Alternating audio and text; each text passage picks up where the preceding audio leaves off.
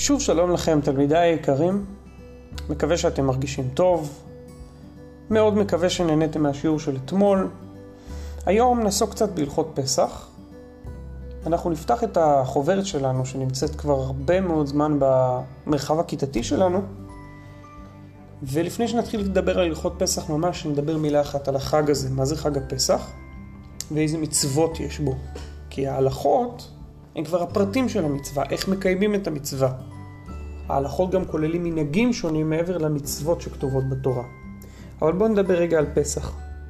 אז קודם כל פסח זה אחד משלושת הרגלים שבהם היו עולים לבית המקדש בירושלים. החקלאים היו עושים הפסקה, זה נקרא חג האביב, זה זמן שבו התבואה, החיטים נמצאות בשלב, ה... בשלב המרכזי של הגדילה שלהם. ולכן זה נקרא חג האביב. עושים הפוגה בחקלאות, עולים לירושלים, מודים להשם על התוצרת. זה במקור בתורה.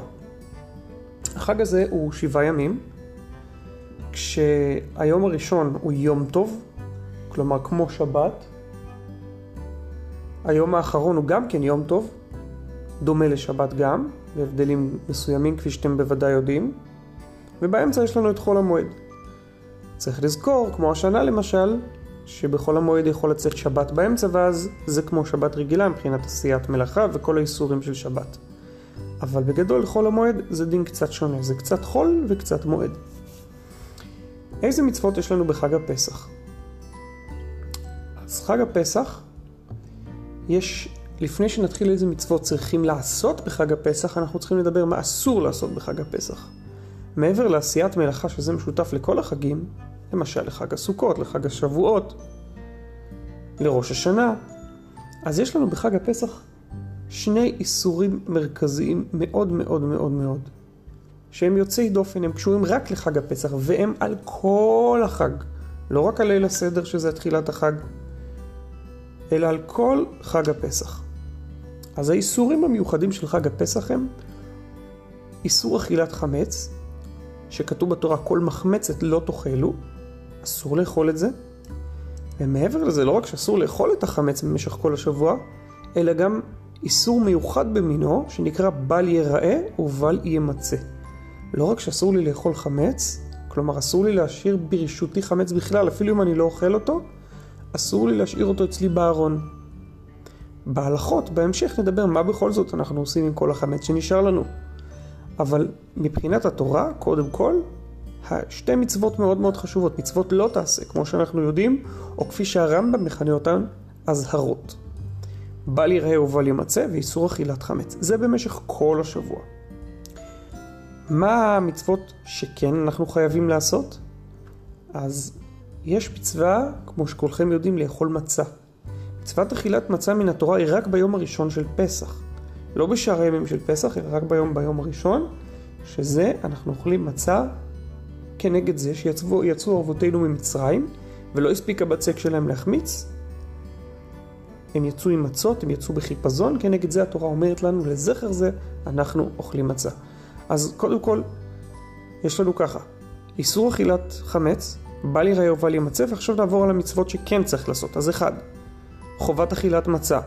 שתיים, חובת אכילת מרור. שלוש, חובת אכילת קורבן פסח. אין לנו היום קורבן פסח, אבל בזמן שבית המקדש היה קיים, זאת מצווה מן התורה. כולם חייבים לאכול קורבן פסח.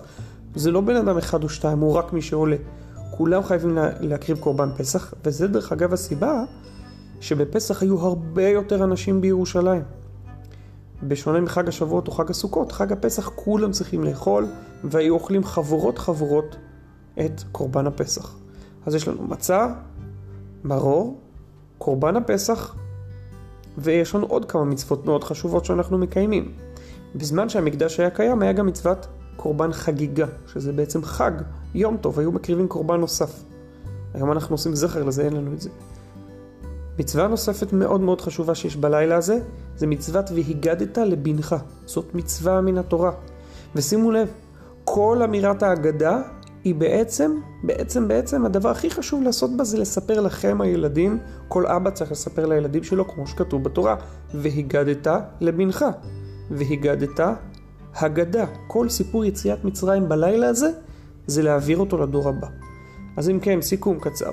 מצה, מרור, קורבן פסח, קורבן חגיגה, והגדת לבנך, ויש עוד מצווה מאוד חשובה, שזה ארבע כוסות.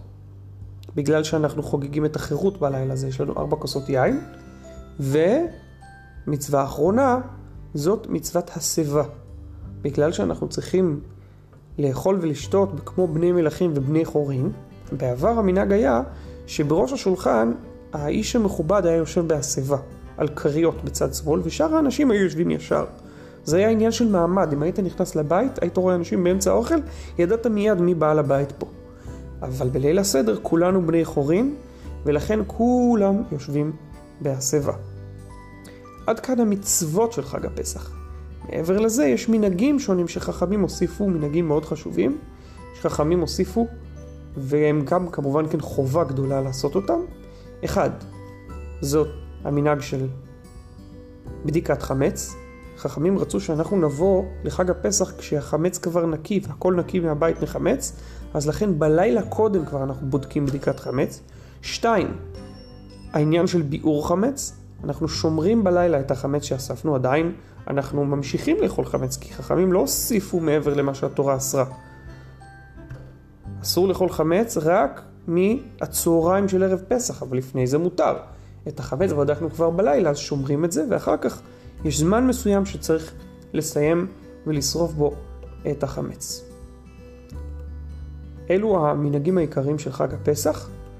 בנוסף לזה יש לנו את, אה, את אה, ספירת העומר אחרי, אה, בתחילת פסח, שזה מצווה בפני עצמה, ויש לנו עוד מנהגים שונים, כמו אמירת הלל, כמו ההלכות של שבת הגדול, מנהגים שונים ברמות שונות, שכל אחד יעשה את זה לפי מה שנהוג אצלו במשפחה. בערב פסח יש לנו עוד דין נוסף מאוד מאוד מאוד חשוב, שנקרא תענית בכורות. לזכר הנס שהבכורות ניצלו ממכת בכורות, בעצם הבכורות של המצרים נהרגו, אבל הבכורות שלנו, של היהודים, לא נהרגו, אז עושים תענית לזכר הנס ההצלה, שאנחנו, הבכורות שלנו, הבכורים, הילדים הבכורים שלנו, של היהודים, לא נהרגו, אז כל הבכורים צריכים לצום. ילדים לא צמים בשום אופן, ואבות, אה, בכורים שהם גדולים צריכים לצום, ואם יש ילד שהוא בכור במשפחה, אז האבא צריך לצום בשבילו. אבל למעשה בעם ישראל נהוג שלא צמים את תענית של ערב פסח. מה עושים במקום זה? הופכים את היום הזה ליום של שמחה ואז לא צריך לצום. למשל, עושים סיום על מסכת. כאשר עושים סיום מסכת, או שומעים סיום מסכת, במקרה הזה אנחנו לא צריכים לצום תענית בכורות. השנה אנחנו לא יכולים לשמוע סיום מסכת כי אנחנו נשארים בבית, אז מאוד מאוד חשוב ללמוד מסכת עד ערב פסח. אין לנו עוד הרבה זמן, אנחנו כבר נמצאים פחות משבוע מערב פסח, אז מומלץ מאוד ללמוד מסכת קצרה. אפשר לבחור למשל את מסכת תמיד שעוסקת בעבודת המקדש, בית המקדש, שזה גם סגולה להבאת המשיח ולבניין בית המקדש בקרוב. אז אחרי שסיכמנו את המצוות העיקריות שיש לנו בחג הפסח, אנחנו צריכים לרדת לפרטים. היום נדבר קצת על מנהגי חודש ניסן ועל שבת הגדול ועל בדיקת וביעור חמץ. כלומר, את כל הדינים עד ערב פסח. זה יהיה קצר במשך כמה דקות, וככה נוכל להיות מוכנים לחג הפסח. אני מחזיק את החוברת בעמוד הראשון שלה, או בעמוד השני. הכותרת היא חודש ניסן. אז יש לנו כבר חודש, כ-30 יום לפני החג צריכים ללמוד פתחות החג. יש לנו את המנהג המפורסם של קמחא דפיסחא, זה בארמית. התרגום של זה בעברית, קמח לפסח, או מעות חיטים, כלומר לדאוג לאנשים שיהיה להם איך לחגוג את החג, זה מצוות צדקה חשובה מאוד. שתיים, בכל חודש ניסן לא אומרים תחנון ולא מתענים, וכמו שאתם יודעים ואני שולח לכם גם מדי יום, ותודה לתלמידים שאומרים את זה, יש לנו מאלף עד י"ג בניסן, אנחנו קוראים את פרשת הנשיאים, שזה 13 יום הראשונים של חג של חודש ניסן. בנוסף, מצווה מיוחדת בחודש ניסן, מנהג מיוחד, זה ברכת האילנות, עליה כבר דיברנו. הדבר הבא הוא שבת הגדול. שבת לפני פסח נקראת שבת הגדול. למה היא נקראת שבת הגדול? משום הנס הגדול שקרה באותה שבת. למעשה, באותה שבת, מה שקרה שהמצרים יצאו החוצה וראו את הכבש קשור למיטה. הקדוש ברוך הוא ביקש ממשה רבינו ומעם ישראל שיקשרו כל אחד כבש כדי שיהיה לו לשחוט אחר כך לקורבן פסח. יצאו המצרים, ראו את הכבש קשור לקרעי המיטה ושאלו מה זה? אמרו להם היהודים, זה כבש שעומד ללכת לשחיטה לקורבן הפסח. כעסו מאוד המצרים משום שזה היה האלילים שלהם. והתחילה מריבה המונית בתוך מצרים בין הבכורות לבין ההורים שלהם, וככה אה, עם ישראל התחיל לראות כבר את האור בקצה המנהרה, ומשום כך זה נקרא נס גדול, ולכן שבת הגדול. בשבת הזאת בדרך כלל נוהגים שהרב נושא דרשה מפורסמת שנקראת דרשת שבת הגדול על הלכות פסח. גם במקרה שלנו השנה, אני מניח שהרבנים השונים ישלחו לכם סרטון או דרשה מודפסת כדי שנוכל ליהנות גם מהדבר הזה. דבר נוסף, בשבת הגדול, אחרי תפילת מנחה, אנחנו אומרים חלק מהאגדה של פסח, מהמילים עבדים היינו עד המילים לכפר על כל עוונותינו, שמה שנקרא שם בשיר אילו הוציאנו ממצרים די דיינו, עד סוף השיר הזה אנחנו אומרים במנחה של שבת. אחרי מנחה של שבת נפתח את האגדה של פסח ונאמר מי עבדים היינו לפרעה במצרים עד סוף השיר של לכפר על כל עוונותינו. מה קורה עם בדיקת חמץ? השנה חג הפסח ביום שלישי בערב חל חג הפסח ו... ביום שלישי בערב חג חג הפסח ואנחנו צריכים בערב קודם כבר לבדוק את החמץ. מה עושים? מנקים את הבית טוב טוב לפני כן, מניחים עשרה פתיתי חמץ, עושים רשימה, מאוד חשוב לעשות רשימה איפה הנחנו כל אחד מפתיתי החמץ. רגע, לשים לב, לא לשים את פתיתי החמץ לבד ככה שהם עלולים להתפורר, אלא בתוך נייר. עדיף שהפתיתים האלה יהיו קטנים, במיוחד השנה. בתוך נייר, לעשות רשימה איפה הנחנו אותם, ואז מכבים את האור, לוקחים נר, נוצה וכף, מברכים ומחפשים בכל חדרי הבית, מחפשים את עשרה הפתיתים. שימו לב שבדיקת החמץ אנחנו לא מחפשים דווקא את העשרה הפתיתים הללו, אנחנו בודקים את כל הבית מחמץ. חלק מהמנהג על פי הקבלה.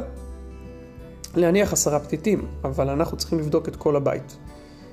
אנחנו מברכים ברכה מאוד חשובה, אני אשלח לכם את הברכה כדי שיהיה לכם. אנחנו מברכים על ביעור חמץ, שימו לב, לא מברכים על בדיקת חמץ, אלא על ביעור חמץ, כי אנחנו מתחילים בעצם הבדיקה בעצם לבער את החמץ, למצוא אותו, כי אנחנו לא מוצאים אותו בשביל לאכול, אלא בשביל לשרוף, בשביל לכלות אותו. לכן אנחנו קוראים לו על ביעור חמץ. מברכים, הולכים לחפש אחרי שסיימנו לבדוק את כל הבית. אפשר ורצוי בהחלט שגם הילדים הבנים ישתתפו בבדיקה יחד עם האבא. אנחנו אוספים את כל הפירורים שמצאנו, ואם מצאנו איזה בייגלה זה בכלל יהיה יפה. נניח את הכל בתוך שקית סגורה במקום גבוה שאף אחד לא ייגש אליו, ולמחרת נשרוף אותו כשיגיע הזמן. אנחנו צריכים לבדוק היטב, מברכים, אחר כך אומרים, לא מדברים, אסור לעשות הפסקה. כשאנחנו מברכים, אנחנו צריכים למצוא טוב טוב, מותר לדבר רק דברים שקשורים לבדיקה. למשל, תבדוק כאן בפינה, לא בדקת, או תביא לי נר נוסף, או נכבה לי הנר, תביא לי גפרור, את זה מותר להגיד. שאר הדברים אנחנו לא מדברים, אנחנו בודקים בכובד ראש, זו מצווה חשובה מאוד של דברי חכמים, ומשם אנחנו ממשיכים עד הבוקר לבוקר של ערב פסח. לפני שייכנס חג הפסח צריך לחשוב על דבר חשוב מאוד. חכמים בדורות שונים, הגאונים והחכמים של עם ישראל תיקנו שמי שנשאר לו הרבה חמץ בבית לא חייב לשרוף את הכל, כלומר הוא חייב על פי התורה לשרוף את הכל, אבל יש מוצא שאפשר להתחמק מזה, אפשר להשאיר את החמץ בבית בצורה שלא לעבור על איסורי התורה. מה שאנחנו עושים זה שאנחנו מוכרים את החמץ לגוי. לא צריך לקחת אותו בשק וללכת לגוי. אנחנו נועלים ארונות בבית, מסמנים אותם וכותבים עליהם מכור, מכור, מכור כדי לא לגעת בהם, ואנחנו שולחים לרב רשות למכור את החמץ לגוי. הרב ילך וימכור את החמץ של כולנו ביחד לגוי. אז יש טופס, אפשר למלא את זה גם דרך הטלפון. טופס מכירת חמץ, אנחנו מוכרים את החמץ לגוי ובעצם החמץ נשאר אצלנו בבית אבל הוא שייך לגוי עד סוף הפסח. בסוף חג הפסח החמץ חוזר אלינו, הרב רוכש בחזרה את החמץ מהגוי ואז אפשר לאכול אותו בלי שום חשש בכלל. אז הגענו לבוקר של ערב פסח, כמו שאמרתי, תענית בכורות. הבכורים צריכים לעשות סיום או לשמוע סיום. לכן מי שהוא בכור, או שאבא שלו, או שהאבא ילמד בשבילו, או שהוא בעצמו ילמד מסכת, לפחות מסכת משניות. כדאי לשאול את הרב שלכם בעניין, לפעמים יש הקלות. והדבר הבא זה הזמנים. שימו לב שבערב פסח יש לנו סוף זמן אכילת חמץ, ואחר כך יש לנו עוד שעה כדי לשרוף את החמץ. למדנו על זה במשנה, יחד עם הרב ראובן וגם איתי, אז יש לנו סוף זמן אכילת חמץ, בערך בשעה 10 בבוקר אנחנו מפסיקים לאכול חמץ. אסור יותר לאכול חמץ. מפסיקים לאכול את החמץ, מצחצחים שיניים, אוספים את כל החמץ שאנחנו לא מוכרים במקום אחד, ואז יש לנו שעה שלמה שבשעה הזאת אפשר רק לשרוף את החמץ, ואפשר גם ליהנות ממנו. כלומר, לאכול אסור, אבל למשל לתת לכלב עדיין מותר. אז אנחנו בשעה הזאת צריכים לשרוף חמץ. השנה, כל אחד ישאל את הרב שלו איך לעשות את שריפת החמץ. לא יוצאים מהבית. לא יוצאים מהבית. מי שיש לו חצר והוא יכול להבעיר איזה מנגל, מצוין. מי שאין לו, למשל אני, יש לי מרפסת, אני כנראה אקח איזה תבנית, ועם גפרור אני אשרוף כל פירור בפני עצמו, פירור פירור לשרפת חמץ, בצורה שלא יפריע לאף אחד. אבל מי שלא יכול יש גם דרכים שונות, אפשר למשל לשפוך אקונומיקה או נוזל חריף אחר שבעצם הופך את החמץ ללא ראוי למאכל, זה גם סוג של ביאור חמץ כשאין ברירה, כל אחד ישאל את הרב שלו. אז בקיצור, בערב פסח יש לנו סוף זמן אכילת חמץ, ואחר כך במשך שעה שלמה יש לנו זמן לשרוף את החמץ, שזה נקרא סוף זמן אכילת חמץ, סוף זמן שריפת חמץ. המשנה מספרת דבר מעניין מאוד, שבירושלים בירושלים של פעם, בזמן שהמקדש היה קיים, היו לוקחים שתי לחמ, לחמי תודה, אלו לחמים גדולים מאוד, והיו מניחים אותם על חומת הר הבית, חומת ירושלים מבחוץ. כל מי שהיה הולך בירושלים היה מסתכל. זה לא כמו היום שיש שעון יד לכל אחד, ולא כמו היום שמפורסם בלוחות מתי הסוף, מתי הזמנים, אז היו שתי כיכרות לחם גדולות. כשהגיע סוף זמן אכילת חמץ, היו מורידים כיכר אחד למטה וכולם היו רואים, הופ, יש למעלה על החומה רק כיכר אחד, סימן שצריך להפסיק לאכול, אבל עדיין מותר לשרוף. ברגע שהיה מגיע סוף זמן שריפת חמץ, או במילים שלנו סוף זמן ביעור חמץ, היו לוקחים גם את הכיכר השנייה, ובעצם היו יודעים שחג הפסח תכף מגיע, הגיע חצות היום של ערב פסח, עדיין מותר להתארגן לחג, אבל אסור יותר לראות את החמץ, לאכול את החמץ, וכבר חייבים לשרוף אותו. אחרי שסיימנו לשרוף את החמץ, אנחנו אומרים בכוונה גדולה את נוסח הביאור. כל חמירה וחמיה דאיקרשותי. יש לנו נוסח, גם את זה אני אשלח לכם בהצלחה. מאוד חשוב, ערב פסח הולכים לישון. אמנם אתם לא ילדים קטנים, אבל חייבים לנוח, הלוואי וגם אני אצליח, אני מאוד מקווה, כדי שנהיה בליל הסדר ערניים, כי תזכרו טוב טוב טוב טוב, אחת המצוות החשובות ביותר, והגדת לבנך, קשור אליכם. אתם לא יכולים להגיד, אני נמצא בליל הסדר רק בחלק של האפיקומן. ההגדה של פסח היא אגדה בשבילכם. אתם אלה ששואלים את מה נשתנה, אתם אלה שמקבלים את התשובות, ולכן אתם חייבים להישאר ערים וערניים. חוץ מזה שאם לא תהיו ערניים, באמת לא תגנבו את האפיקומן, ואז מי יקנה לכם אופניים? ובכן, אנחנו מברכים, ערב פסח מגיע, מתארגנים, הולכים להתקלח, לובשים בגדים הכי חגיגיים שיש, אפילו שאנחנו בבית. אנחנו נחגוג פסח כחג חירות, כי חירות זה דבר פנימי. דבר פנימי. אנחנו בחירות, יש לנו חירות פנימית, אנחנו חוגגים את יציאת מצרים, אנחנו לא משועבדים, אנחנו עושים מה שהקדוש ברוך הוא רוצה מאיתנו בשמחה גדולה. יש הדלקת נרות של ערב חג הפסח, מברכים שתי ברכות להדליק נר של יום טוב ושהחיינו, ואחר כך אנחנו ניגש לתפילת החג ו... לליל הסדר. שימו לב, לפני ליל הסדר, על זה אנחנו נדבר בשיעור הבא, בכל זאת הייתי רוצה להמליץ לכם, לפני שניגש לליל הסדר בעצמו, כבר בערב פסח, אחרי ששרפנו את החמץ ואנחנו שטפנו ידיים, צחצחנו שיניים, הכנסנו את כל הכלים של החמץ לארונות, כבר עברנו למצב פסח, דבר אחד מאוד חשוב, להכין כבר בערב לכל אחד מבני הבית את הדברים שהוא יצטרך אותם בליל הסדר. למשל, כאשר אנחנו נצטרך לאכול מצה, כל אחד צריך לאכול למשל שליש מצה בערך, משהו כזה, אם זה מצת יד. אז במקום באמצע הפסח להתחיל לחלק מצות, תכינו שקיות סנדוויץ', כשרות לפסח כמובן, תכינו בהם מצה שמתאימה לכל אחד. אחר כך יש לנו עוד פעם, צריך גם להפיק אומן וצריך גם לכורך, אז להכין את הדברים האלה מראש, זה יכול לחסוך המון המון המון בלאגן. בהצלחה לכולם, בשיעור הבא נדבר על ליל הסדר בעצמו, תהיו מוכנים. תודה רבה לכל מי שהקשיב. להתראות.